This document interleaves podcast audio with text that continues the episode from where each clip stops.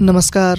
असल साथी मिडियाबाट सञ्चालित असल साथी अनलाइन रेडियोमा राति नौ बजेको असल खबर लिएर उपस्थित भएका छौँ। असल खबरको सुरु गरौँ। आलोचना र सुझाव दिनेलाई शत्रुलाई जस्तो व्यवहार गर्नु हुँदैन भन्ने नेता माधव कुमार नेपालको यस भनाइबाट। नेकपा एमालेबाट निलम्बित नेता माधव कुमार नेपालले पार्टीमा आलोचना र सुझाव दिनेलाई शत्रुवत व्यवहार गर्न नहुने बताउनु भएको छ। अखिल नेपाल महिला सङ्घ प्रदेश नम्बर दुईले सोमबार जनकपुर धाममा आयोजना गरेको प्रदेश स्तरीय भेलामा नेता नेपालले पार्टी अध्यक्ष केपी शर्मा ओलीले पार्टीलाई एकपक्षीय रूपमा सञ्चालन गरेको आरोप लगाउनुभयो। पार्टीमा भेदभाव बढ्दै गएको भन्दै उहाँले चिन्ता पनि व्यक्त गर्नुभयो। पार्टीभित्र आलोचना सुन्ने र सुझावलाई अङ्गीकार गरी गल्ती स्वीकार गरेर अघि बढ्नुपर्छ नेता नेपालले भन्नुभयो। देशमा सबैभन्दा राम्रो पार्टी कम्युनिस्ट पार्टी भए पनि अहिले पार्टीमा सङ्कट बढ्दै गएको उहाँको भनाइ थियो। भेलामा अर्का नेता घनश्याम भूषालले पार्टीभित्र मनमुटाव र गुटबाजी बढ्दै गएको र त्यसलाई रोक्नुपर्ने बताउनुभयो। नेपाली काङ्ग्रेसका सांसद गगन थापाले जनता समाजवादी पार्टीले निर्णय गर्न नसक्दा नयाँ सरकार गठनमा हलो अड्केको बताउनु भएको छ।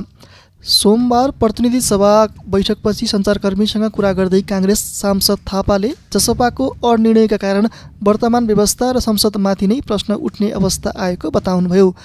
जसपाले धेरै घुमाउरो कुरा गर्नु हुँदैन उहाँले भन्नुभयो तपाईँ प्रधानमन्त्री ओलीलाई समर्थन गर्नु छ सरकार बनाउनु छ गर्नुहोस् जानुहोस् निर्णय गर्नुहोस् तपाईँहरूलाई विकल्प खोज्नु छ आउनुहोस्। उहाँले अघि भन्नुभयो तपाईँहरूलाई आफ्नै नेतृत्वमा सरकार बनाउनु पर्छ भन्ने छ भने हिम्मत गर्नुहोस् ट्याउ ट्याउ म्याउ म्याउ गरेर धेरै अर्थ छैन। तर कुनै निर्णय नगरेर जसपाले प्रधानमन्त्री ओलीको सेवा गरिरहेको उहाँको आरोप छ। जनता समाजवादी पार्टीका सांसद लक्ष्मणलाल कर्णले सरकारको विकल्प खोज्न पहिले नेपाली काङ्ग्रेस र नेकपा माओवादी केन्द्रले बाटो खोल्नुपर्ने बताउनुभयो।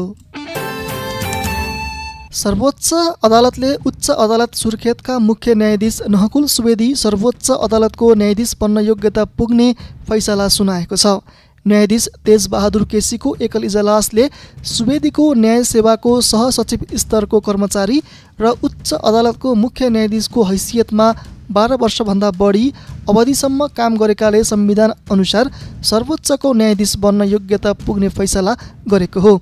संविधान अनुसार सर्वोच्च अदालतको न्यायाधीश हुन न्याय सेवाको राजपत्राङ्गित प्रथम श्रेणी वा सहसचिव स्तरको पदमा कम्तीमा बाह्र वर्ष काम गरेको हुनुपर्ने उल्लेख छ। यसअघि गएको शुक्रबार सर्वोच्च अदालत बार एसोसिएसनले सर्वोच्च अदालतको न्यायाधीश पदमा नियुक्तिका लागि सिफारिस भएका सुवेदीको नियुक्ति र छनौट प्रक्रिया गलत रहेको बताएको थियो। सुवेदी न्याय परिषदबाट फागुन अठाइस गते सर्वोच्च अदालतको न्यायाधीशमा नियुक्तिका लागि सिफारिस हुनुभएको हो। रक्सी खाएर कार्यालयमा आएको र सेवा प्रवाहमा लापरवाही गरेको भन्दै मालपोत कार्यालय रुकुम पश्चिमका निमित्त प्रमुख पक्राउ परेका छन्। जिल्ला प्रहरी कार्यालयबाट खटिएको प्रहरीको विशेष टोलीले निमित्त प्रमुख गोर्खबहादुर खड्कालाई पक्राउ गरेको हो। सेवा प्रवाहमा आएको गुनासोपछि कार्यालय समयमै मदिरा सेवन गरेको अवस्थामा खड्कालाई पक्राउ गरिएको प्रमुख जिल्ला अधिकारी बद्रीनाथ गैरेले बताउनुभयो। पक्राउ परेका खड्कामाथि प्रचलित स्थानीय प्रशासन ऐन अनुसार कारवाही गरिने प्रमुख जिल्ला अधिकारी गैरेले जनाउनुभयो।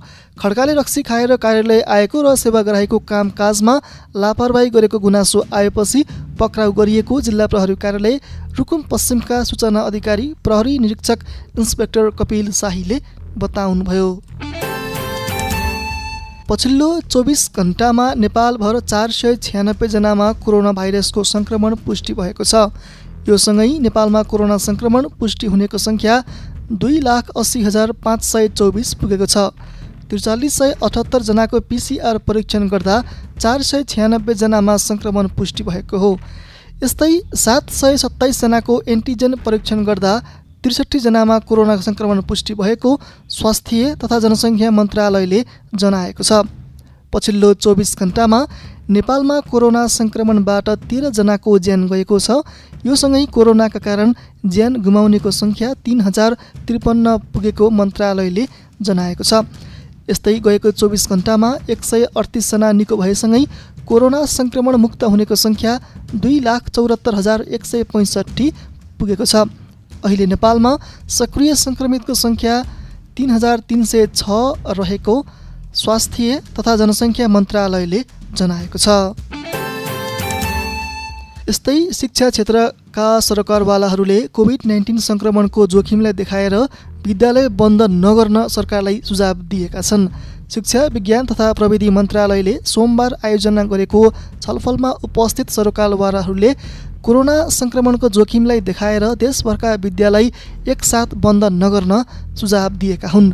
उनीहरूले विद्यालय बन्द गर्ने वा सञ्चालन गर्ने भन्ने निर्णय गर्ने अधिकार पालिका सरकारलाई दिन पनि सुझाव दिएका छन्। छलफलमा नेपाल नगरपालिका सङ्घका अध्यक्ष अशोक ब्यान्जुले एक ठाउँमा कोभिड सङ्क्रमणको जोखिम बढ्दा देशभरका विद्यालय बन्द गर्नु व्यवहारिक नहुने बताउनुभयो। उहाँले जुन ठाउँमा प्रभाव परेको छ त्यहीँको पालिका सरकारलाई बन्द गर्ने निर्णय गर्न दिनुपर्ने बताउनुभयो। केन्द्र सरकारबाट निर्णय हुने कुरा पूर्ण रूपमा छोड्नुपर्ने पनि बताउनुभयो। अब यो समस्याको समाधान गर्ने हो भने पालिका सरकारहरूलाई नै यसको अधिकार दिनुपर्छ। माथिबाट निर्णय गर्ने कुरा पूर्ण रूपमा छोड्नुपर्छ उहाँले भन्नुभयो। इपिएस मार्फत दक्षिण कोरियामा श्रम गरिरहेका नेपाली लगायत सम्पूर्ण श्रमिकको प्रवेशाज्ञा एक वर्ष थप हुने भएको छ। यहाँको न्याय मन्त्रालयका अनुसार कोरियाको बसाई अवधि सकिएर कोरोना महामारीका कारण स्वदेश फर्किने वातावरण नभएका श्रमिकले कोरियामा बसाई अवधि थप्न चाहेमा यही अप्रेल महिनाको तेह्र तारिकदेखि एक वर्षका लागि प्रवेशाज्ञा थप गर्न पाउने नियम पारित भएको छ। प्रवासी श्रमिक युनियन एमटियुका अध्यक्ष उदय राईले आगामी डिसेम्बरसम्म तिन वर्षको कार्यकाल सकिने श्रमिकको तथा हाल चार वर्ष दस महिनाको भिसा सकिएर स्वदेश फर्किनु पर्ने श्रमिकको अवधि एक वर्ष थपिने बताउनु भएको हो। यसरी भिसा थपिने भएपछि आगामी डिसेम्बरसम्म तिन वर्षको अवधि सकिने तथा हाल चार वर्ष दस महिनाको अवधि सकिने सम्पूर्ण श्रमिकको कोरिया बसाई अवधि पाँच वर्ष दस महिना हुनेछ। तिन वर्षको कार्यकाल सकिने श्रमिकले एक वर्ष थपेर चार वर्ष पुरा गरेपछि पुनः पहिलेकै नियमअनुसार एक वर्ष दस महिनाको प्रवेशाज्ञा थप्न सक्नेछन्। सेयर बजार परिसूचक नेप्से कृतिमानी अङ्कमा पुगेको छ। सोमबार सत्र दशमलव दुई शून्य अङ्कले बढेर छब्बिस सय एकानब्बे दशमलव पाँच पाँच बिन्दुमा पुगेको नेप्सेले अहिलेसम्मकै उच्च बिन्दुको रेकर्ड बनाएको हो। यसअघि नेप्से चैत बाइस गते छब्बिस सय सन्ताउन्न बिन्दुसम्म पुगेको थियो।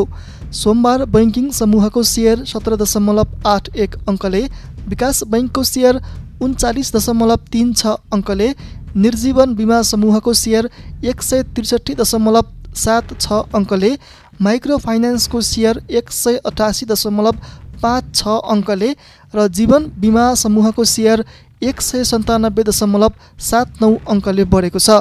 सोमबार दुई सय सोह्र कम्पनीका एक करोड अडतिस लाख एक्काइस हजार पाँच सय त्रिहत्तर किता सेयर सात अर्ब एकसट्ठी करोड आठ लाख रुपैयाँमा कारोबार भए।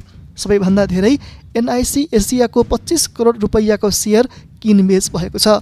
सोमबार एनआइसी एसिया लघुवित्त वित्तीय संस्था महिला लघुवित्त वित्तीय संस्था छ्याङदी हाइड्रो पावर लगायत पाँच कम्पनीको सेयर मूल्य झन्डै दस प्रतिशतले बढेको छ।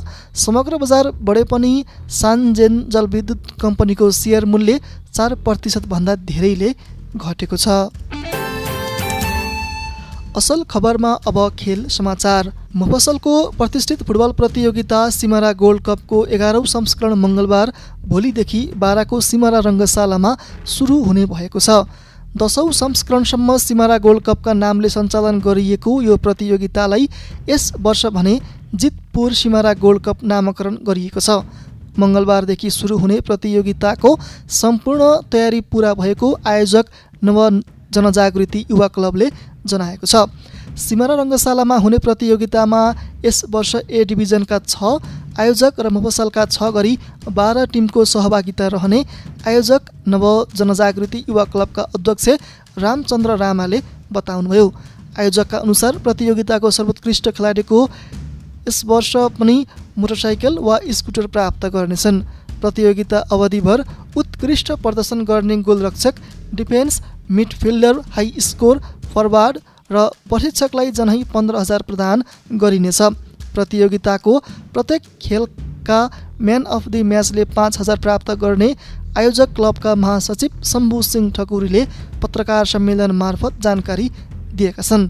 प्रतियोगिता यस वर्ष साँझमा सञ्चालन गरिने भएकाले मैदानमा फल्ड लाइट जडान गरिएको छ। प्रतियोगिताको विजेताले सात लाख र उपविजेताले तिन लाख पचास हजार नगद पुरस्कार प्राप्त गर्नेछन्। पुरस्कार राशिमा आयोजकले यस वर्ष सोह्र प्रतिशतले वृद्धि गरेको हो। गोल्ड कपका लागि करिब सत्तरी लाख पचपन्न हजार खर्च हुने आयोजक कमिटीले जनाएको छ। गत वर्ष कोभिड नाइन्टिनका कारण रोकिएको गोल्ड कप यस वर्ष वैशाख एघार गतेसम्म सञ्चालन हुने जनाइएको छ। यो खेल प्रसङ्गसँगै राति नौ बजेदेखि प्रसारण भइरहेको असल खबरको हामी अन्तिममा आएका छौँ। असल साथी मिडियाबाट सञ्चालित असल साथी अनलाइन रेडियो सुन्दै गर्नुहोस्। नमस्कार।